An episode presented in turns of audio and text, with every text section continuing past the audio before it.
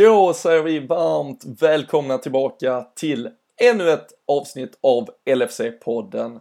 Vi flaggade ju lite i måndags för att det eventuellt skulle komma något extra denna premiärvecka där vi igår tisdag spelade för säsongens sista match, eh, uppladdning mot Torino och så är det ju på söndag som Premier League-säsongen för Liverpools del drar igång 14.30 hemma mot West Ham på Anfield. Däremot så kör ju Premier League redan igång på fredag. Transferfönstret stänger imorgon torsdag. Vi sitter här onsdag kväll den 8 augusti och spelar in detta. Och eh, detta är ett eh, säsongstips kan vi väl kalla det. Vi brukar vara väldigt bra på att summera säsonger, konstatera vem var bäst på ja, det ena och det andra. Vem gjorde flest mål? Vem var bäst?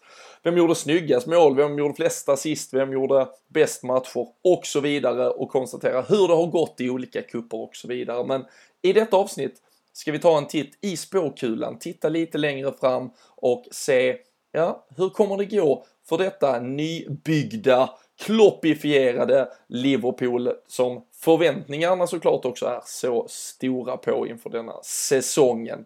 En hel drös olika ämnen har vi. Vi kommer att eh, bolla upp rubrikerna, vi kommer försöka väva in lite av vad ni har kommenterat, vi har sett i flödet att det har varit många tankar och tyckanden och eh, så ska ni ju försöka få vad vi hoppas kan vara något halvt facit på var denna säsongen landar. Det blir jag, Robin Bylund och så alldeles strax också tipsoraklet Daniel Forsell. Vi gör avsnittet tillsammans med LFC.nu i vanlig ordning och såklart, och vad passar inte bättre just ett avsnitt som detta, redspet.com. De erbjuder alltid bästa odds på Liverpool, så ska ni tippa någon match eller något säsongsspel så är det dit ni ska vända er. Och sen nu inför premiären och inför att den här säsongen drar igång så missa inte att de har supergrymma fantasyspel där man kan vinna galet mycket pengar på ett internationellt stort fantasy och sen så kör de ett svenskt special där man dessutom kan vinna en resa till Anfield. Så in på redspet.com och regga med LFC-podden som branch.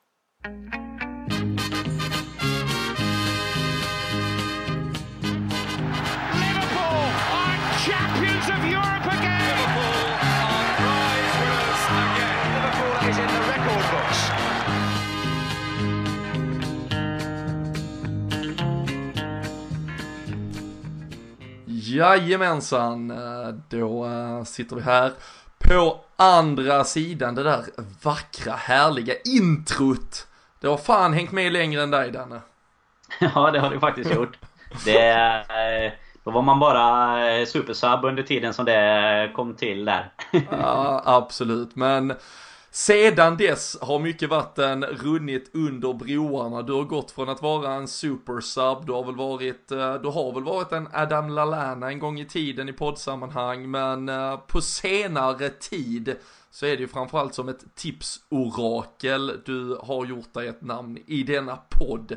Så eh, det, ja, det kan ju inte bli bättre liksom, alltså det är ju som att duka upp ett jävla smörgåsbord för dig här idag.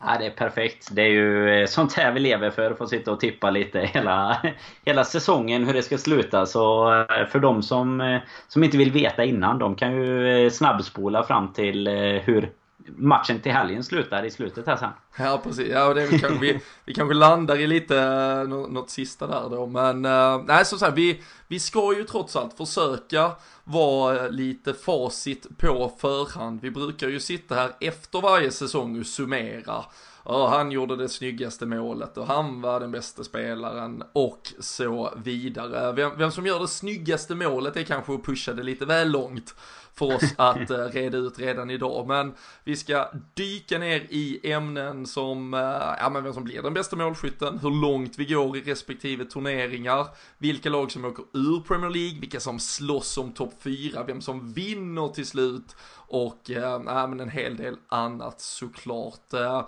men jag får väl börja med att ta lite pulsen på dig. Fyra dagar till eh, säsongspremiär. Eh, Premier League är bara två dagar bort. Jag nämnde i introt ett transferfönster som stänger om faktiskt mindre än 24 timmar nu. Det, det är nära nu Danne. Ja men det är det ju verkligen. Just på, på Silly-sidan så tycker jag väl nästan att det är roligare att följa vad våra kanske främsta konkurrenter kommer göra här. Och sitter och hoppas lite att de inte ska få in sina, sina transfermål egentligen. För jag känner mig rätt nöjd med vad vi har gjort så långt. Men eh, just att matcherna drar igång, det är ju... Nej, det är lite, lite julafton över det hela faktiskt. Även om det är United på fredag. Det är väl en av de första gångerna man har liksom verkligen suttit och sett fram emot en United-match när inte Liverpool har varit inblandade. Ja men det, det, är lite som om man så här skulle åka iväg och fira lillejulafton, vilket man såg fram emot. Och sen kommer mamma och pappa och säger, fast det blir utan julklappar liksom. Så det, ja, det är ju lite kul att det är på gång, men det är jävla skitkväll ändå någonstans. Liksom.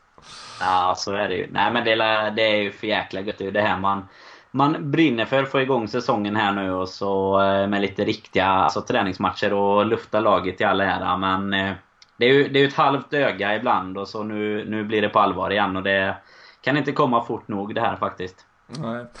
Jag och eh, Fredrik Eidefors satt ju här i måndags, vi, vi gjorde egentligen det stora uppsnacket just inför helgens match. Så, eh, så vill man få liksom West Ham i någon form av ja, komprimerad form och fokus på det och fokus på vilka elva som vi tror och som vi kanske kände i alla fall då bör vara det, det spelare som går ut och gör jobbet där på söndag så ska man ju lyssna på senaste avsnittet istället. Eh, man kan ju lyssna klart på detta och sen ha en timme till att eh, njuta. Men eh, utan att, att spoila allt för mycket, jag vet att du har lyssnat på hur, hur går dina egna tankar kring en startelva på, på söndag?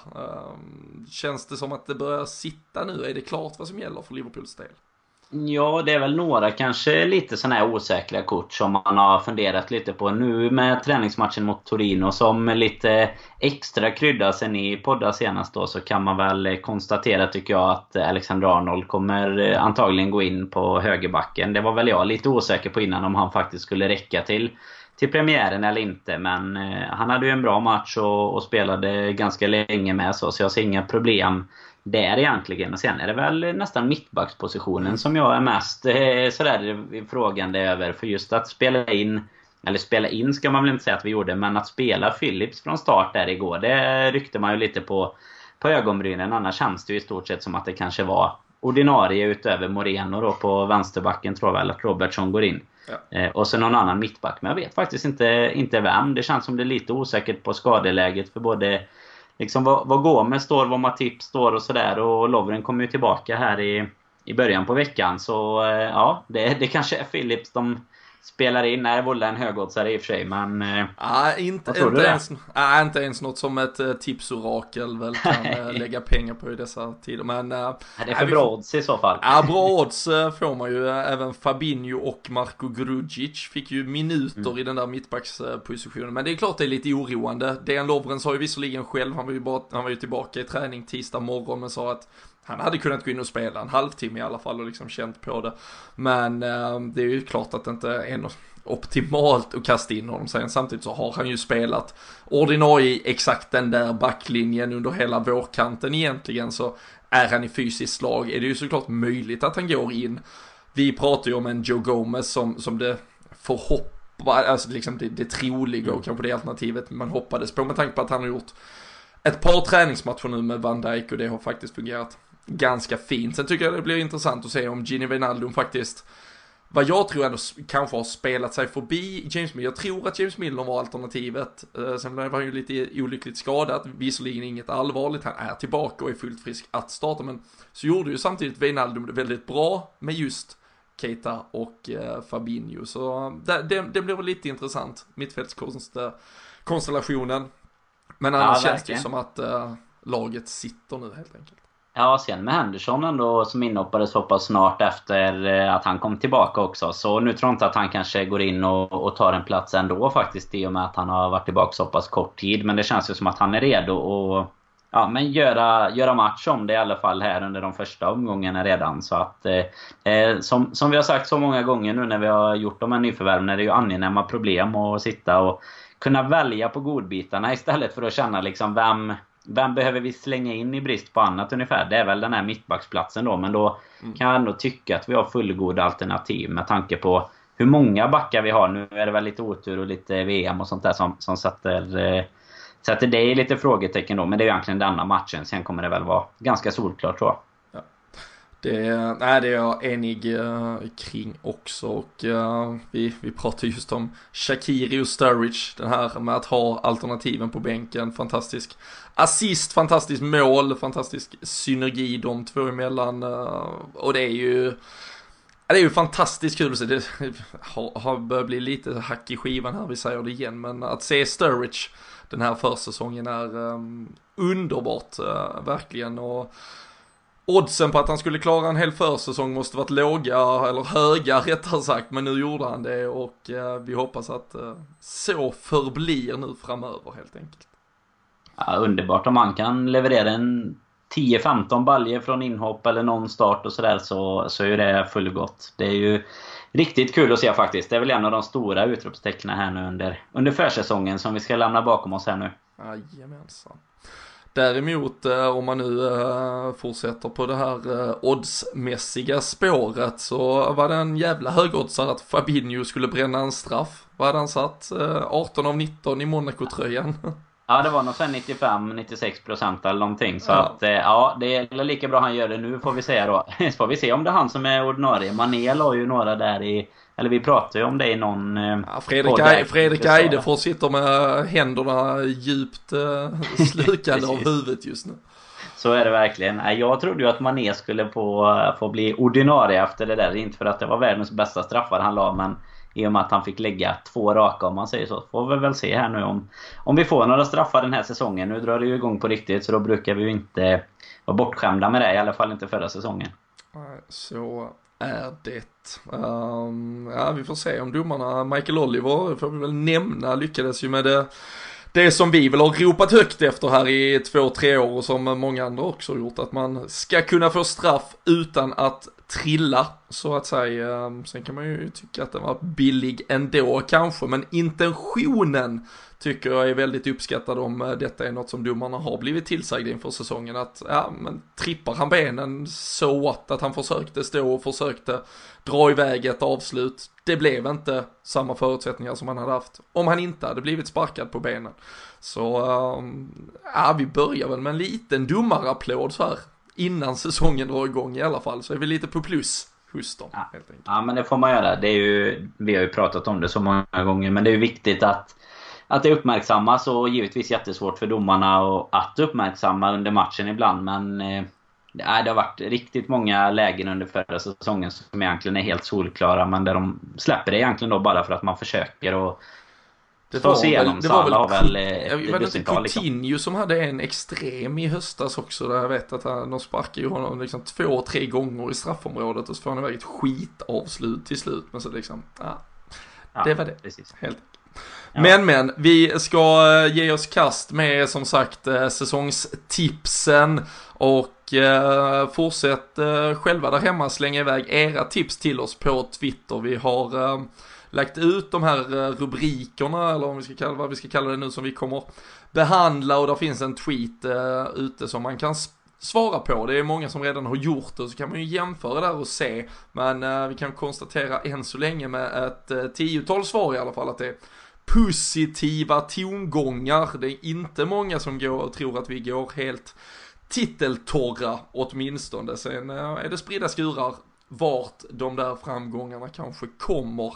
Men ehm, eh, vi, vi gör lite så här, vi börjar i botten av Premier League-tabellen tänker jag och sen så betar vi liksom in lite olika kategorier längs vägen och så slutar vi i Premier League-toppen med en topp 4 där jag tror att både du och jag har med Liverpool och därmed också Liverpools tabellplacering i Premier League helt enkelt. Mm, ja men det låter väl, eh, låter väl bra tycker jag. Eh, vi har ju... Eh, ja, det är ju, jag satt ju faktiskt med, med Eidefors och drog ner de här som du pratade om innan. Bästa målskytt, bästa spelare och sådär. Det är klart att med, med förra säsongen i eh, starkt minne fortfarande så eh, är det ju ganska många där jag kanske tror att... Eller jag har märkt redan på de svaren som kommer in på Twitter att det är klart att Många kategorier är vi nog ganska överens hela Liverpool fans-skaran tror jag faktiskt. Absolut. Men eh, jag tänkte att vi har så här i vissa mm, kategorier i alla fall så säger du vad du tror, säger jag vad jag tror. Har vi något likadant så kan vi kanske lite snabbt eh, damma av det och där vi särskiljer våra åsikter kan vi ju eh, ta en liten hetsk debatt kring eh, varför man ska rygga dig eller mig i detta helt enkelt. Men dina tre lag att åka ur Premier League, vilka är det? Yes. Då har jag Cardiff, Huddersfield och Southampton på min eh, triolista där. Eh, jag, jag vet inte om du vill... Du kan få dra dina innan, jag, innan vi argumenterar då. ja, precis. Nej, men jag har eh, faktiskt Cardiff Huddersfield, så där är vi uppenbarligen ense. Och sen så har jag Newcastle också. Som mm. uh, sista lag att åka ur. Om, om de är just i år, ja jo men det kan vi nog säga faktiskt. Cardiff sist, Huddersfield 19 och Newcastle 18 helt enkelt. Uh, Cardiff uh, dammar vi väl av som en nykomling som i sammanhanget när vi dessutom tittar på vad konkurrenterna om vi tar Fulham mm. och Wolves har gjort. De har ju tappat, de är inte ens med i matchen känns det som. Nej men så är det ju och sen dessutom jämfört även med, med kanske eventuella bottenkonkurrenter då så känns det som deras lag De gjorde ju det bra som tog sig upp men det känns inte som det var de som spelade allra bäst fotboll i Championship och eh, det blir tufft om man inte nu jobbar på de här två sista dagarna och lyckas lösa någonting. Ja. Kan se direkt att eh, Kasper Åberg blir en eh, länk mellan dig och mig för han tror att det är Cardiff och sen Southampton och Newcastle så det är, han saknar ja. Huddersfield där däremot. Men uh, Huddersfield... från Wagner. Ja, precis. Men det är väl lite, ja, de dansar med lite energi i vissa matcher förra året, men de var ju rätt klappkassa även då, måste jag faktiskt tycka. Jo, men så var det tycker jag också. Det är dessutom då det här eh, ganska klassiska att man eh, kanske klarar det första eller man klarar det någon säsong så på, på lite eh, inspiration nästan eller vad man ska säga. Men eh, blir tufft om inte de lyckas få igång någon annan typ av spel. För det är svårt att spela det, den typen av spel med de spelarna som Wagner vill ju gärna spela det här kloppspelet. Eh, och det är svårt med, med lite sämre spelare som gör att man öppnar sig extremt mycket bakåt. Och det var ju väldigt många sådana här... Nu har jag inget framför mig hur många mål de släppte in men det känns som de gjorde väldigt många sådana riktiga klappmatcher. Och sen så gjorde de någon skalp och slog United och sådär. Men Nej, där är vi överens. Jag tror också att det kanske blir så att de blir 19 och, och Cardiff kommer sist faktiskt. Kom ju på en 16 plats i fjol, Huddersfield. 58 insläppta mål.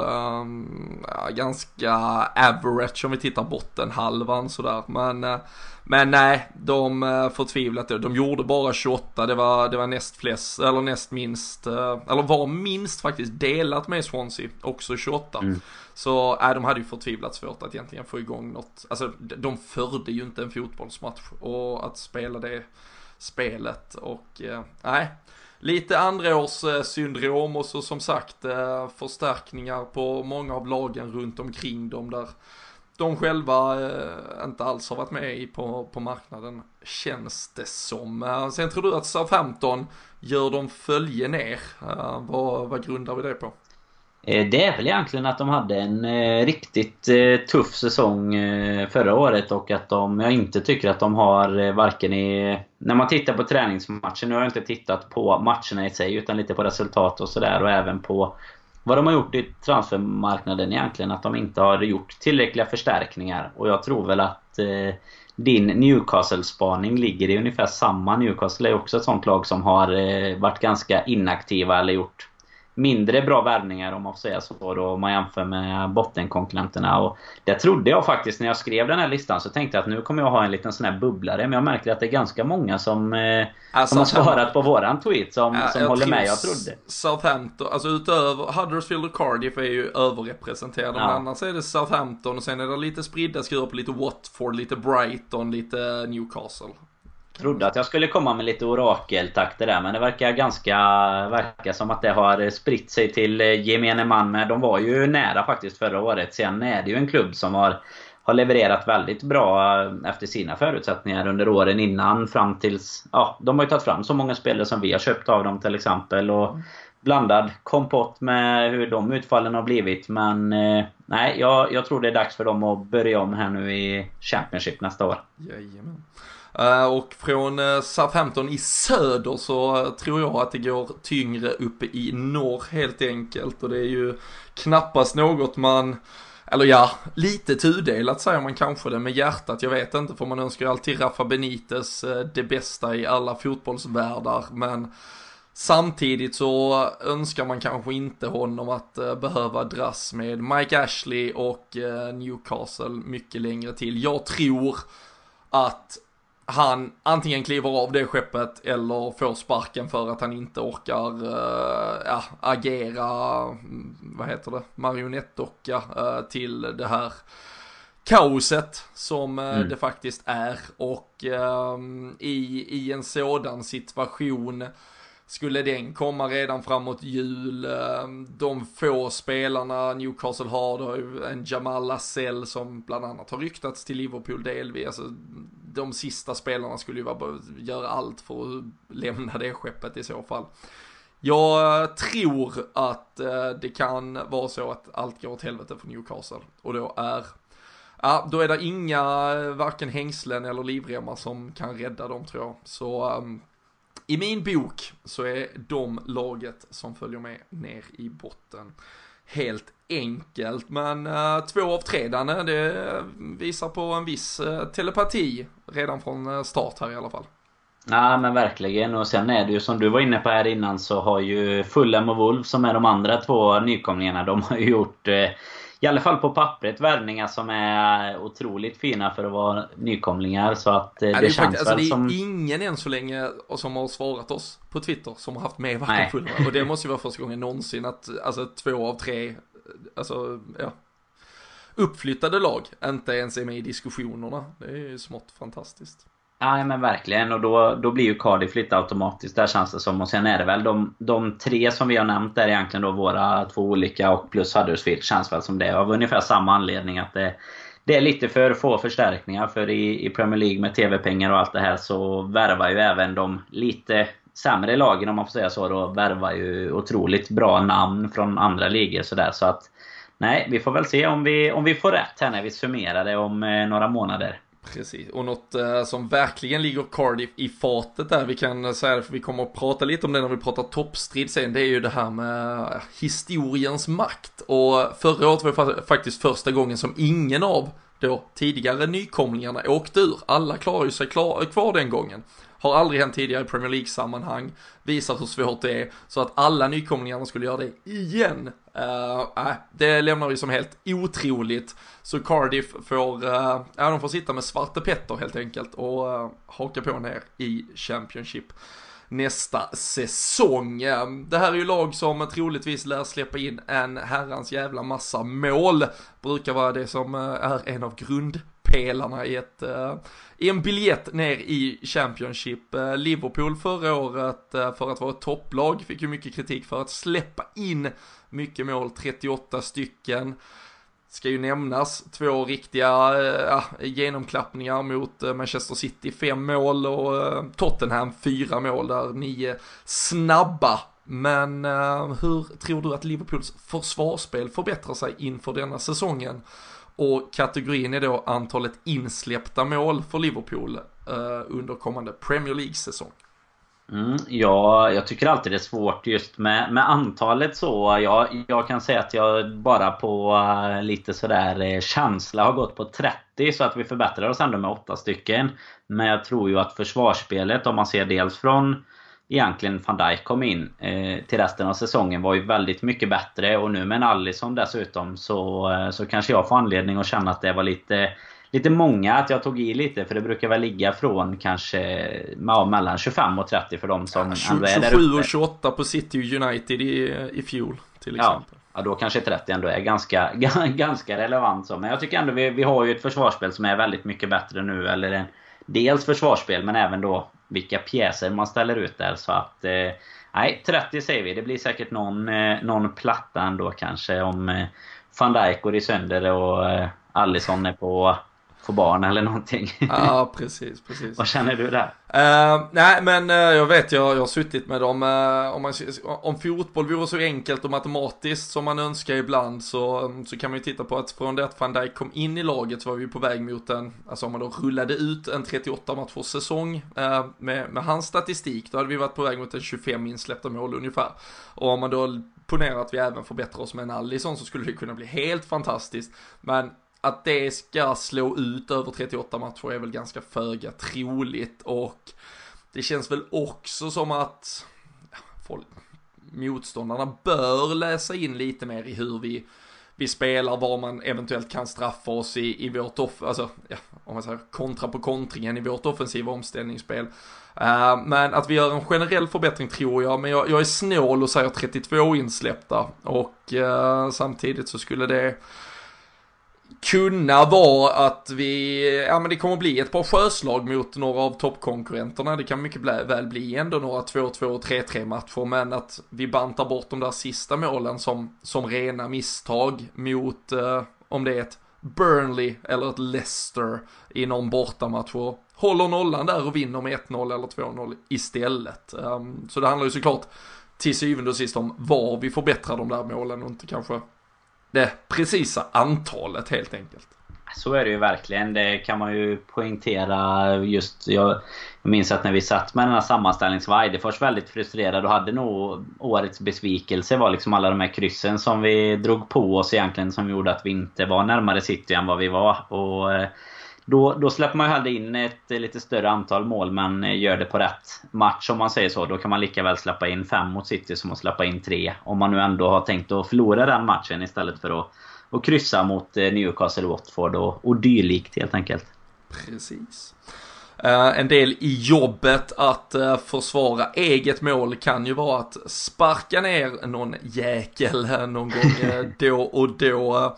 Vi har ju värvat in ett råskinn vad gäller i alla fall kortsamling. Naby Keita fick ju på alla eh, sammanhang inkluderat om vi säger då med, med Leipzig i både liga och kuppspel och så även landslagsspel. Fyra röda kort förra säsongen, eh, smått unikt. Men eh, vem tror du blir eh, råskinn eh, nummer ett i Liverpool och alltså drar på sig flest kort kommande säsong? Mm, jag har eh, egentligen en, eh, en liten bubblare där. Jag stod och valde mellan två men så tänkte jag jag väljer eh, min eh, bubblare. Jag tror det är en sådan i alla fall. För jag, de jag stod och funderade mellan det var Fabinho och Firmino faktiskt. Fabinho egentligen rent för att han spelar på en sån position där man enkelt kan dra på sig något, eh, något extra gult. Keita var inte ens med i den tanken trots de här fyra röda. Så det kanske är, eh, är det amatörmässig scouting där. Men jag, jag tänker att Firmino drar på sig de här gula som eh, alltså stoppar en kontring. Eller han är ju ganska försvarsinriktad som, som anfallare. Och sen kommer han dra en 3-4 stycken på några obskyra målfiranden också som fansen kommer älska. Så att han, han toppar busligan denna säsongen. Ja, du vill, eh, du, du vill se hans torso helt enkelt. Du vill att tröjan ska den ska ja. landa perfekt också som, som Stoke borta. Ja, ah, fy fan vilket mål och vilket målgest. ja. Mm, ja, det krävs en, eh, en Bobby för det. Var ju tillbaka med ännu ett uh, härligt mål här mot uh, Torino också. Jag uh, gick faktiskt på den du valde bort där till slut, Fabinho. Um, vilket baseras både på Eh, Eh, pos positivitet och, och eventuellt uh, lite frågetecken. Det är ju det här klassiska tempot i Premier League man ska anpassa sig vid.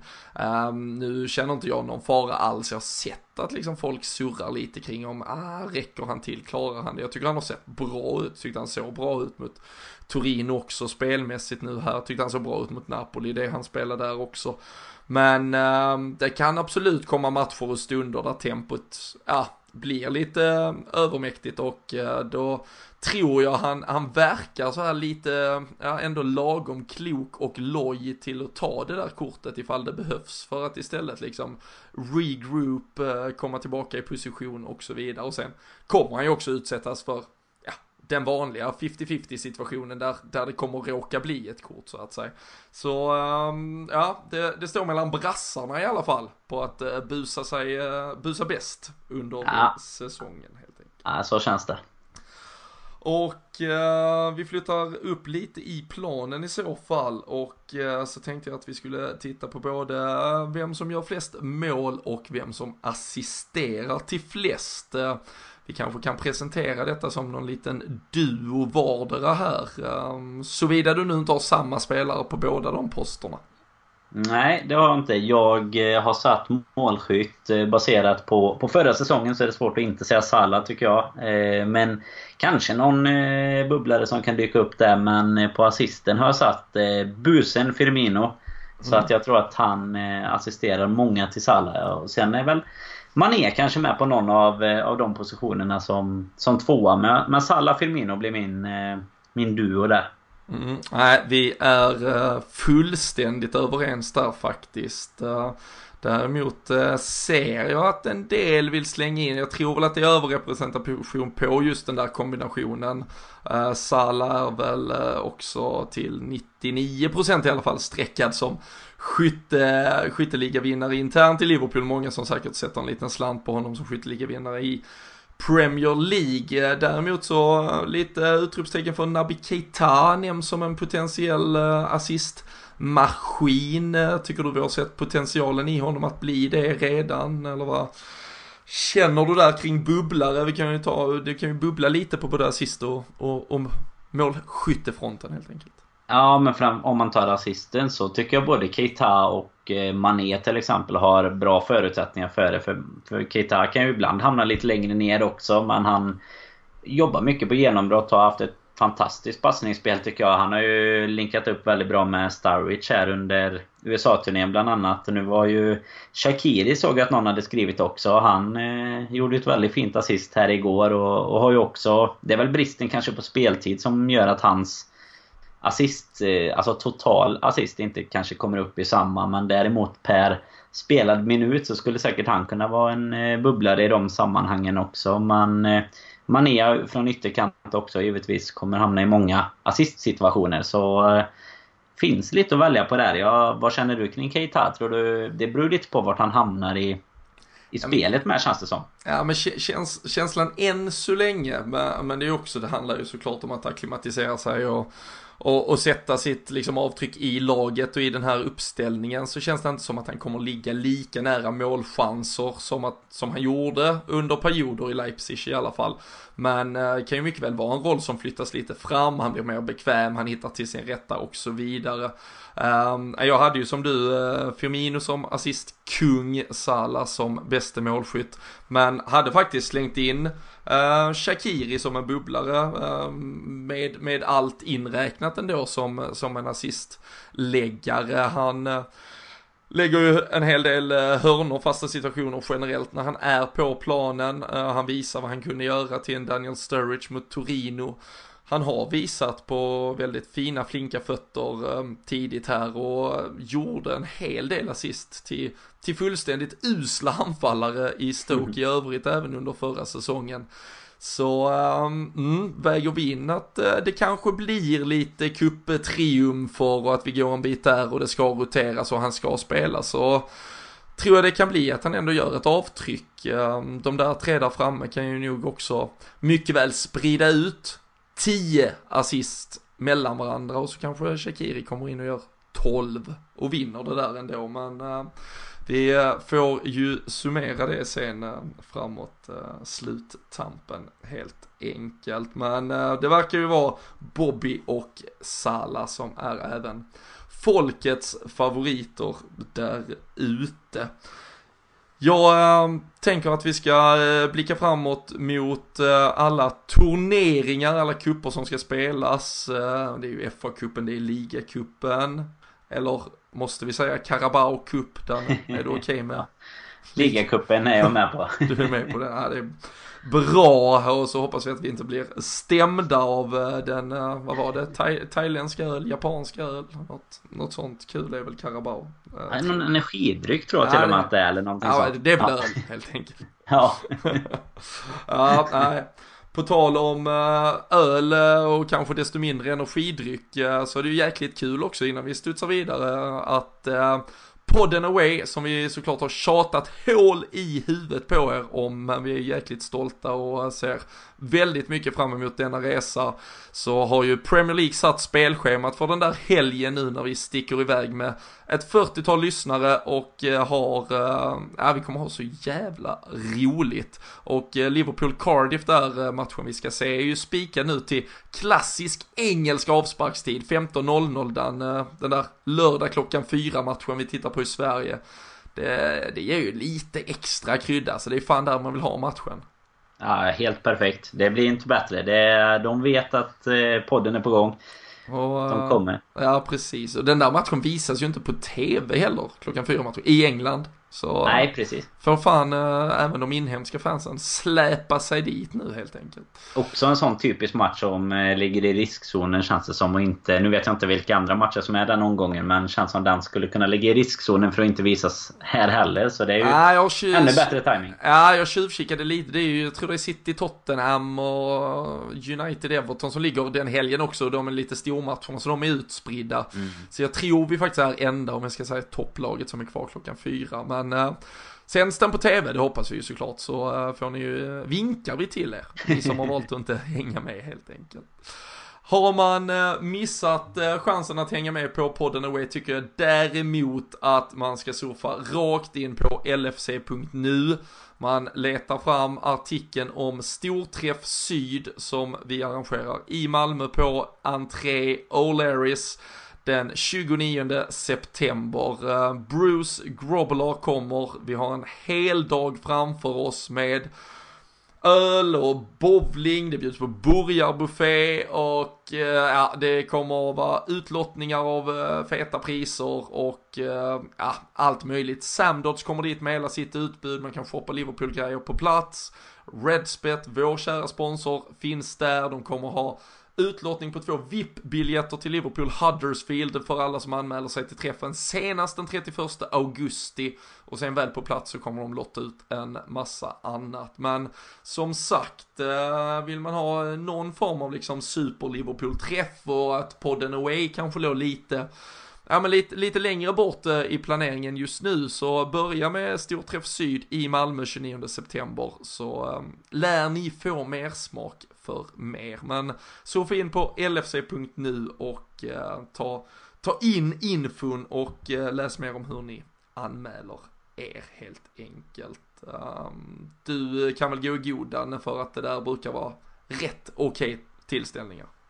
Verkligen. Det har blivit några storträffar här genom åren. Eh, och det, det är ju Syd som är överlägsna. Det har ju inte varit så många andra faktiskt. För det har alltid varit så bra uppslutning eh, nere i Malmö. Det har ju varit någon i, i Göteborg och någon i Stockholm tror jag. Men eh, nej, Storträff Syd är the place to be vad gäller Liverpool-träffar i Sverige faktiskt. Det brukar vara extremt trevligt och kul med Grobblar också. Någon som är Eh, lite showy i sig också, någon gäst så. Förutom eh, alla oss som eh, kommer vara där som eh, också gillar gillar underhållningen. Så enda som man kan vara lite kritisk mot är ju att matcherna brukar gå åt helsike. Men eh, det har ju Nej, blivit bättre.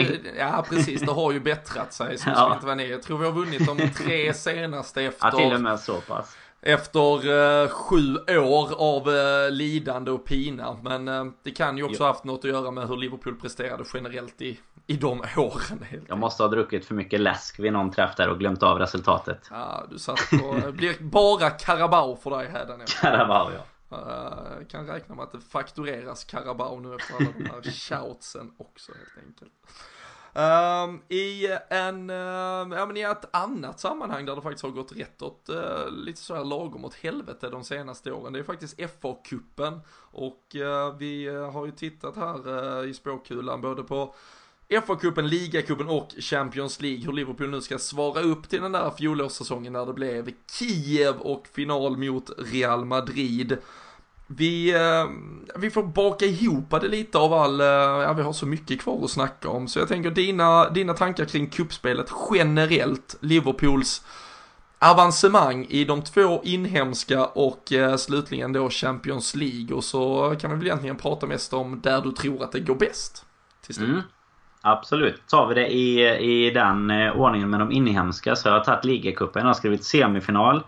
FA-cupen säger jag att vi går och vinner detta året. Eh, Champions League kvartsfinal tar vi oss till där. Och eh, ja, du kan få nämna dina innan vi diskuterade mer. Men jag kan väl säga att jag hade varit ganska... Eh, det också var jag ganska nöjd med den uppsättningen faktiskt. Mm. Utan att sätta för mycket. Jag hade gärna vunnit allihopa men... Nej, utan att sätta för mycket press på gubbarna så tycker jag det hade varit ganska lagom. Ja, ja verkligen. Jag eh, tror eh, efter ganska många ändå fina framgångar i ligacupen vad gäller att ta oss just till typ en semifinal så tror jag det blir tidig sorti i ligacupen. Jag har inte preciserat vilken omgång men det blir innan någon orkar bry sig. Och eh, sen tror jag däremot också, jag säger fa Cup-final eh, och så reserverar jag mig för vad som händer väl där. Men jag tror det blir fa Cupens år, precis som du. Och så tror jag kvartsfinal i Champions League. Ehm, det kan jag utveckla lite sen så kan du prata lite om FA-cupen. Ja, framförallt så är det väl att jag tror att vi... Alltså, nu tror jag, det beror ju så mycket på hur det kommer gå i ligan och Champions League. FA-cupen kommer väl inte vara, vara kanske högprioriterad om det skulle ligga väldigt mycket matcher samtidigt och vi går extremt bra i båda dem. Men jag tror väl att vi kanske får lite tuffare i Champions League eh, detta året efter att ha haft en, en helt fantastisk vår egentligen. Och då tror jag att eh, bara det här att, att få en titel, få Klopps egentligen den här finalförbannelsen att brytas, eh, få in en vinnarmentalitet i truppen. Då tror jag att vi Kommer vi mot eh, kvartsfinal i FA-cupen så tror jag att vi kommer gå all in på den bara för att få in det här titelmentaliteten i, i truppen. För nu känns det ändå som vi försöker sätta en trupp för att ha några år framåt. Det känns inte som att Liverpool, om vi nu fortsätter att bygga på de här framgångarna vi har haft, kommer bli sönderköpta på samma sätt som vi har blivit tidigare heller. Och då tror jag vi vill ha in lite, lite titlar också. Då är väl FA-cupen kanske den eh, man ska väl inte säga enklare, för det är samma lag som spelar i ligan och sådär. Men, men med de cupframgångarna vi har haft så är det väl där vi verkligen kan försöka spetsa till det för att faktiskt eh, äh, lyckas vinna den här titeln som vi, vi väntar på allihopa. Nej, men jag håller med dig till fullo. Vi pratade lite om det i, jag vet, i, i mitten av vårtampen där. Det var väl kanske innan man fick upp det liksom.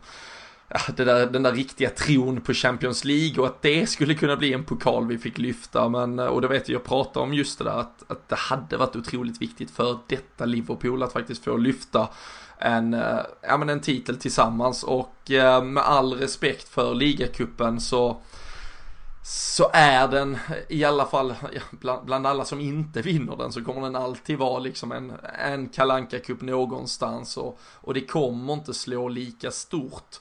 Um, skulle det här laget med den utvecklingen som kom redan förra säsongen med det som vi hoppas verkligen ska kunna komma denna säsongen oavsett var det landar i en, i en titelutmaning i ligan kröna av säsongen med att faktiskt stå överst och lyfta något och i detta fallet då FA-cupen så hade det varit ja men fenomenalt så jag tror också att Klopp och hoppas att Klopp också tycker att det är av yttersta vikt och därför tror jag kanske att ligacupen någonstans halvt roteras bort för vi vet också att ligacupens ja men absoluta prime ligger i december, januari när, när matchandet redan håller på att dränera. Mm. Och är det något som City verkligen har jämfört med oss så är det ju en trupp och en bredd. Och vill vi då utmana dem head to head i något form av titelrace som vi ska prata lite mer om sen så, så kan det vara att vi måste släppa på den ena gasen där och därför tror jag att ligacupen kanske skjuts åt sidan. FA-cupen tar ju faktiskt fart först. Under våren på allvar. Och där tror jag däremot att vi kanske inte riktigt orkar med ett Champions League-utmanande om vi förhoppningsvis är med i en titelstrid. Vi såg hur vi höll på att verkligen rotera bort oss från en fjärde plats till och med i, i sluttampen av det där fantastiska Champions League-äventyret. Och, och nu förhoppningsvis så har vi något ännu större att slåss för i ligan och då kommer vi inte orka med att ställa vår bästa elva på benen hela, hela, hela tiden. Och då kanske vi gör lite omvänt det City gjorde, eh, om än att vi har olika förutsättningar att eh, liksom, ja men ligan eh, är det vi verkligen går för. Och så faller fan, kanske Champions League oss ur hemma. Det är därför jag tror så max på ett, eh, ja men en kvartsfinal i Champions League. Så har vi fortfarande, ja men då bygger vi oss fortfarande det här namnet som ett av de absolut största lagen i Europa. Och så tar vi titeln, eller i alla fall finalplatsen i FA-cupen. Helt enkelt. Det känns, ju, det känns ju också som att eh, det här med att, att ställa, som du säger, bästa laget på benen hela tiden. Det ger ju också en annan innebörd i de här Champions League-matcherna. När ligan kanske ändå känns som att City hade sprungit hem med den redan i oktober eller september eller vad det var. Men när, när det liksom inte känns som att det finns det här riktiga att spela för mer än topp 4, då blir det ju också så att det kanske blir en extra krydda för spelarna att verkligen prestera sitt yttersta optimala i de här Champions League-matcherna. Även om det, man givetvis kan tycka att de ska vara professionella och alltid kunna göra det oavsett vilken match det är. Men det var liksom det vi hade att sikta på. Det var det alla fans liksom vill ladda upp med. Hälsa bussarna och mm. ja, kasta någon ölflaska på en annan buss och sådär. Och, och liksom det, ja, det, det, blir en helt annan grej när det inte finns ett tvåfrontskrig liksom som man behöver utkämpa. Och då tror jag väl lite som du säger att har vi den positionen i ligan så kommer det bli tufft att fortsätta ha samma intensitet och glöd som vi hade förra året i Champions League. Eh, så det, jag är nog inne på ungefär samma spår som dig gällande kvartsfinal där. För kvartsfinal skulle man dessutom känna sig ganska nöjd med i och med att det befäster ändå en, en topp 8-position liksom i ja. Europa. Och till och med åttondelsfinal i värsta fall om ligan går riktigt bra. Så tar man sig vidare från gruppen då är man fortfarande med bland de, de stora där i giganterna. Det gör ju mycket vilken lottning man får med såklart där. Vi har ju en eh, viktig, eller eh, ja men alla här eh, får ju hålla ett litet öga för, på hur det går för Benfica nu i eh, Champions League-kvalet. De spelar sin första av två matcher mot Fenerbahce i igår tisdag. De vann med 1-0 hemma. Nu är det retur i Turkiet nästa vecka. För det är ju bara Benfica just nu som står mellan Liverpool och en eventuellt pott 2 eller pott 3 mm. i, inför då Champions League-lottningen som kommer här den 30 augusti, om jag inte missminner mig helt, när, lot, eh, när grupperna ska lottas. Och eh, som sagt, går Benfica in i gruppspelet, då kommer Liverpool puttas ner till pott 3. Det är ju såklart klart mycket svårare än om vi då får chansen med ett utslaget Benfica att gå in i pott 2. Eh, den sidnings Fördelen kan såklart eh, förenkla saker och ting som då gör att, ja men vinner man gruppen får man en tvåa i åttondelsfinal och ja, nu var det ju vissa lag som fick det riktigt tufft även den vägen förra säsongen men eh, det är ju klart att det i alla fall skulle göra att en åttondelsfinal känns klart överkomlig och att vi eh, då ska kunna ta oss till en kvartsfinal. Sen vet vi att där i 99% av fallen är åtta jävligt bra lag med. Så eh, där kan allting hända därefter. Eh, vi börjar närma oss eh, ligaplaceringar nu också. Det är, man märker att det, är lite det man vill prata om. Men du, vi pratade, ja, en bubblare innan när vi pratade målskyttar och assistmakare och så vidare. Vem tror du spelarmässigt blir överraskningen vi sitter här och liksom konstaterar i slutet av maj nästa år att helvete vad, ja, vad det blev bra liksom. Ja, det är egentligen två stycken där. Eh, den, den sol, eller ettan av dem, inte solklar tänkte jag säga. Men det är Keita, att jag tror att vi kommer att, att säga liksom att... Eh, det, för det, vi har ju redan höga förhoppningar och, och, stora förväntningar på honom. Men jag tror att vi kommer sitta efteråt och säga att...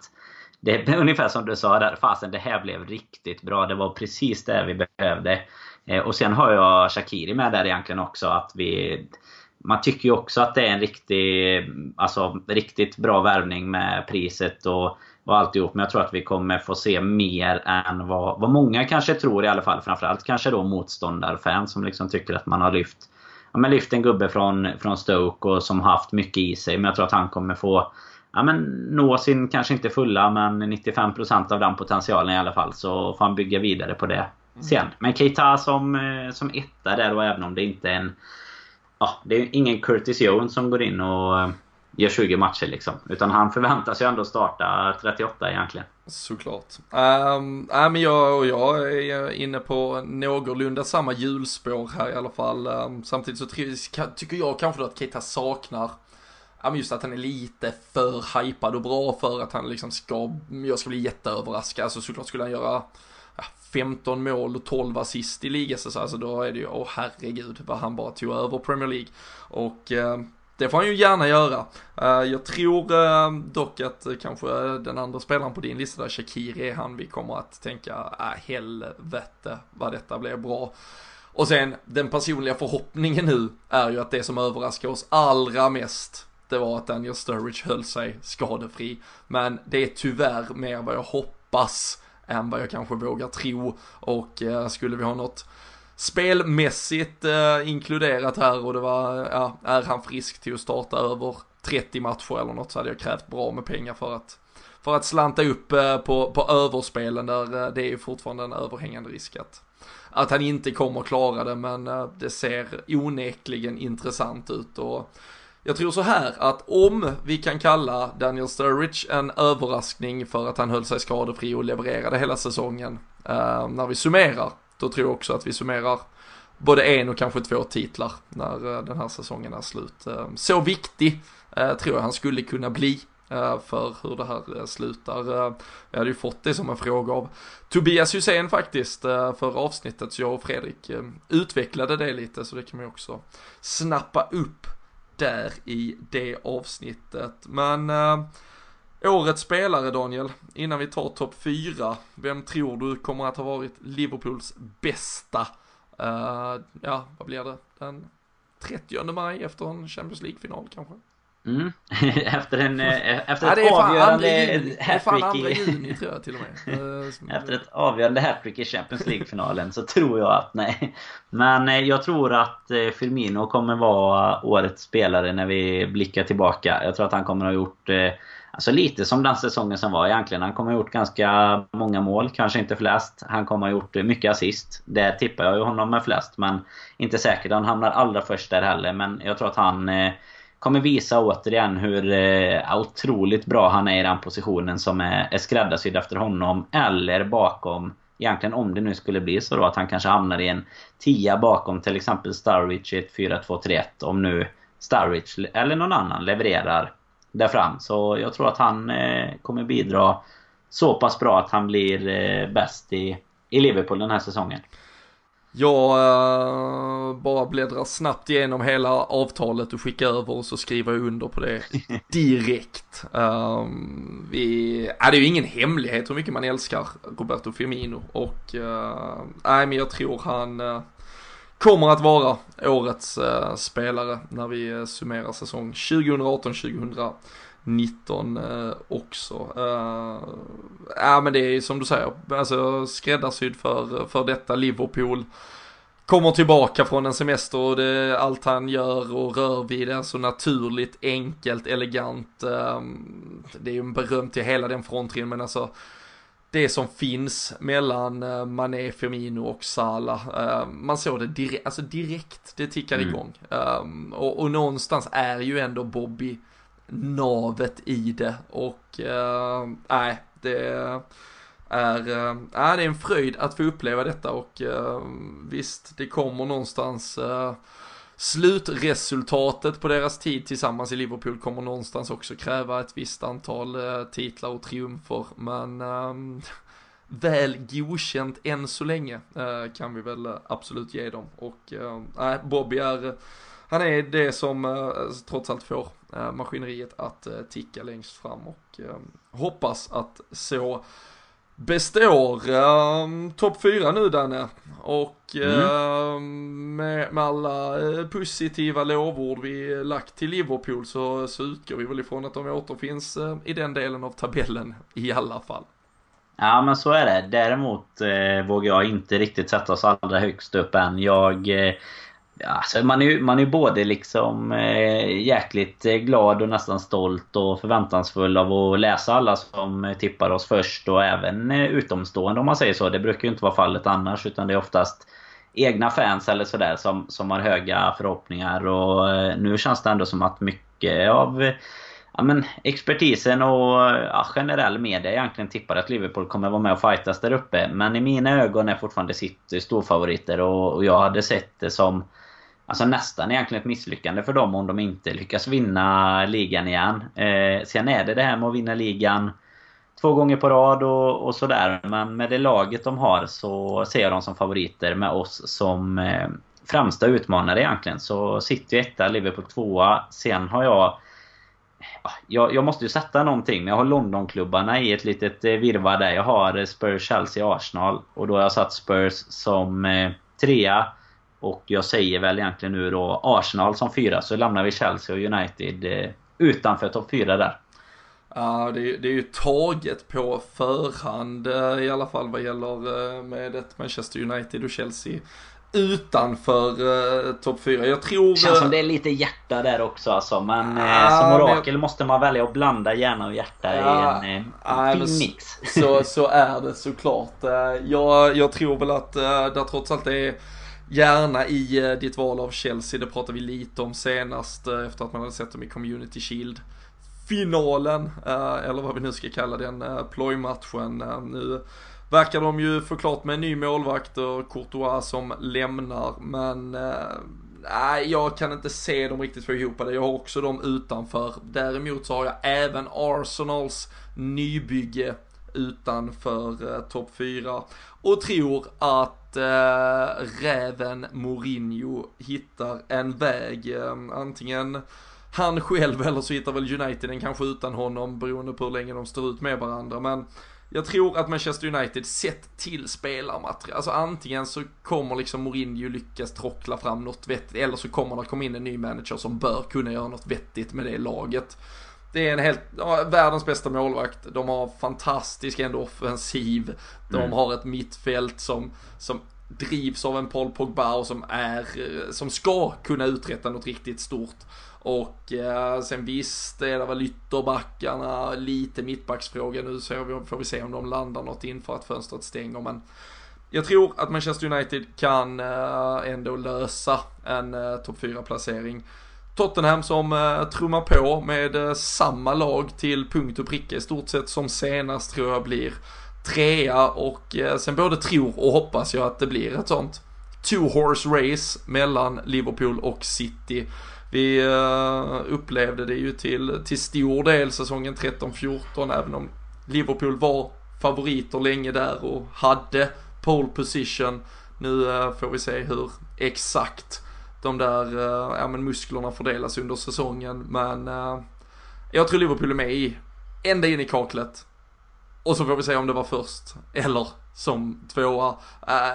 du säger, är tvåa ditt tips? Eller är ja. det hjärta hjärna? Vad är det? Nej men det är väl, det är väl eh, där hjärnan eh, kommer in där då kanske. Att jag, jag känner att City eh, kommer ta det. Men eh, ett sånt eh, race som du pratar om, det hade ju varit magiskt att få uppleva något liknande som 13-14. Kanske med en bättre utgång såklart. Men eh, det som kommer nära givetvis är ju förra säsongen med äventyret i Champions League. Men att få uppleva det varje vecka egentligen konstant i, i ligan och sådär. Det är fasen något riktigt speciellt. Och nej, det hade varit magiskt att bara få, få vara med om det egentligen. Men givetvis gärna med en, en finare utgång i slutändan. Men City är mina, mina favoriter fortfarande. Mm.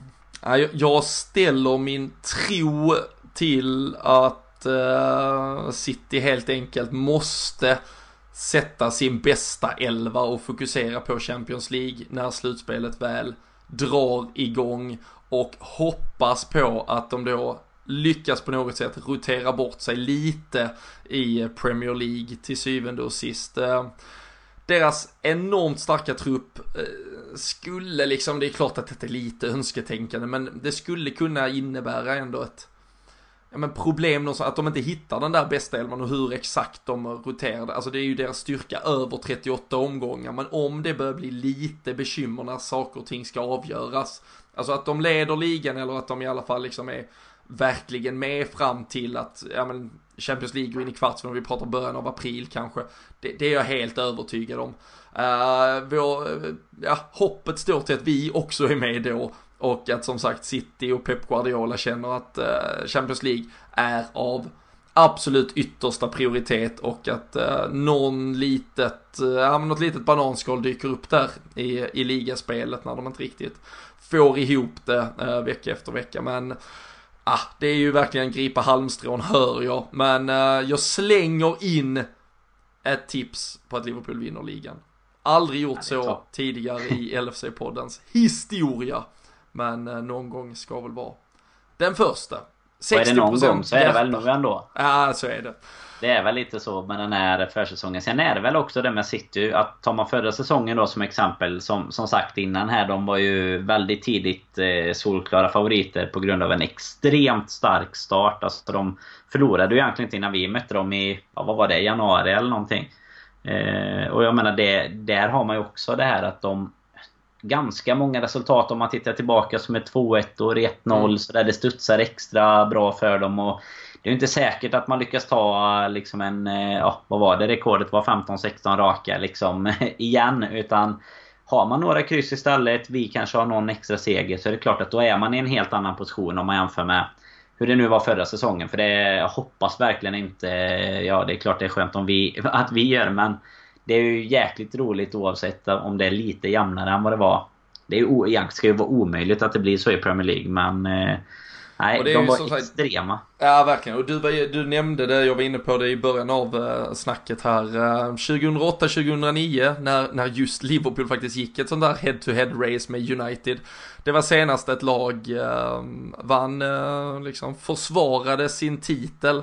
Sedan dess har inget lag lyckats göra det i Premier League och ja, Champions League så bröt ju Real Madrid den där myten om eh, svårigheterna kring eh, kuppen men ehm, det är bara Premier League som då under nio års tid alltså inte har vunnits en eh, dubbel eller då två på raken av något lag. Alla andra inhemska, eller alla stora ligor uh, ute i Europa där um, har det ju blivit mer och mer försvarande av titlar, PSG, Juventus, Bayern München uh, och så vidare. Men uh, mm, vi får väl hoppas att det där står, står sig ett år till i eh, Premier League i alla fall. Sen kan vi ju börja prenumerera på titeln, det hade vi väl inte haft något emot helt enkelt. Nej, det funkar.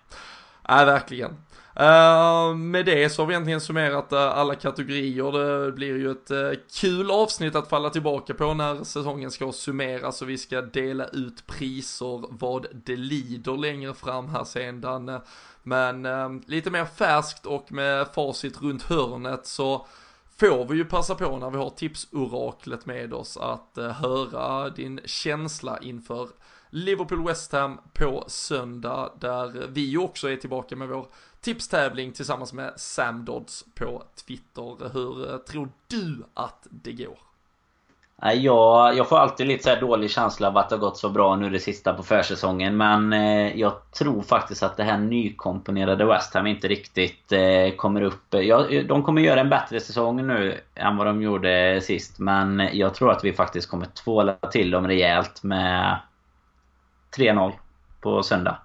Vi sätter oss i, i båten och kör rakt fram direkt här. Låter ju alldeles lysande. Sen har ju City en på pappret lite halvtuff match. De möter ju Arsenal i mm. sin premiär där, så vi kan väl hoppas att vi är tre pinnar upp efter efter en omgång mot City helt enkelt. Mm. Uh, hade ju inte varit uh, helt fel. Men uh, nej, jag tror också på en flygande start för Liverpool. 3-0 låter så jävla bra så låt det vara poddens tipp.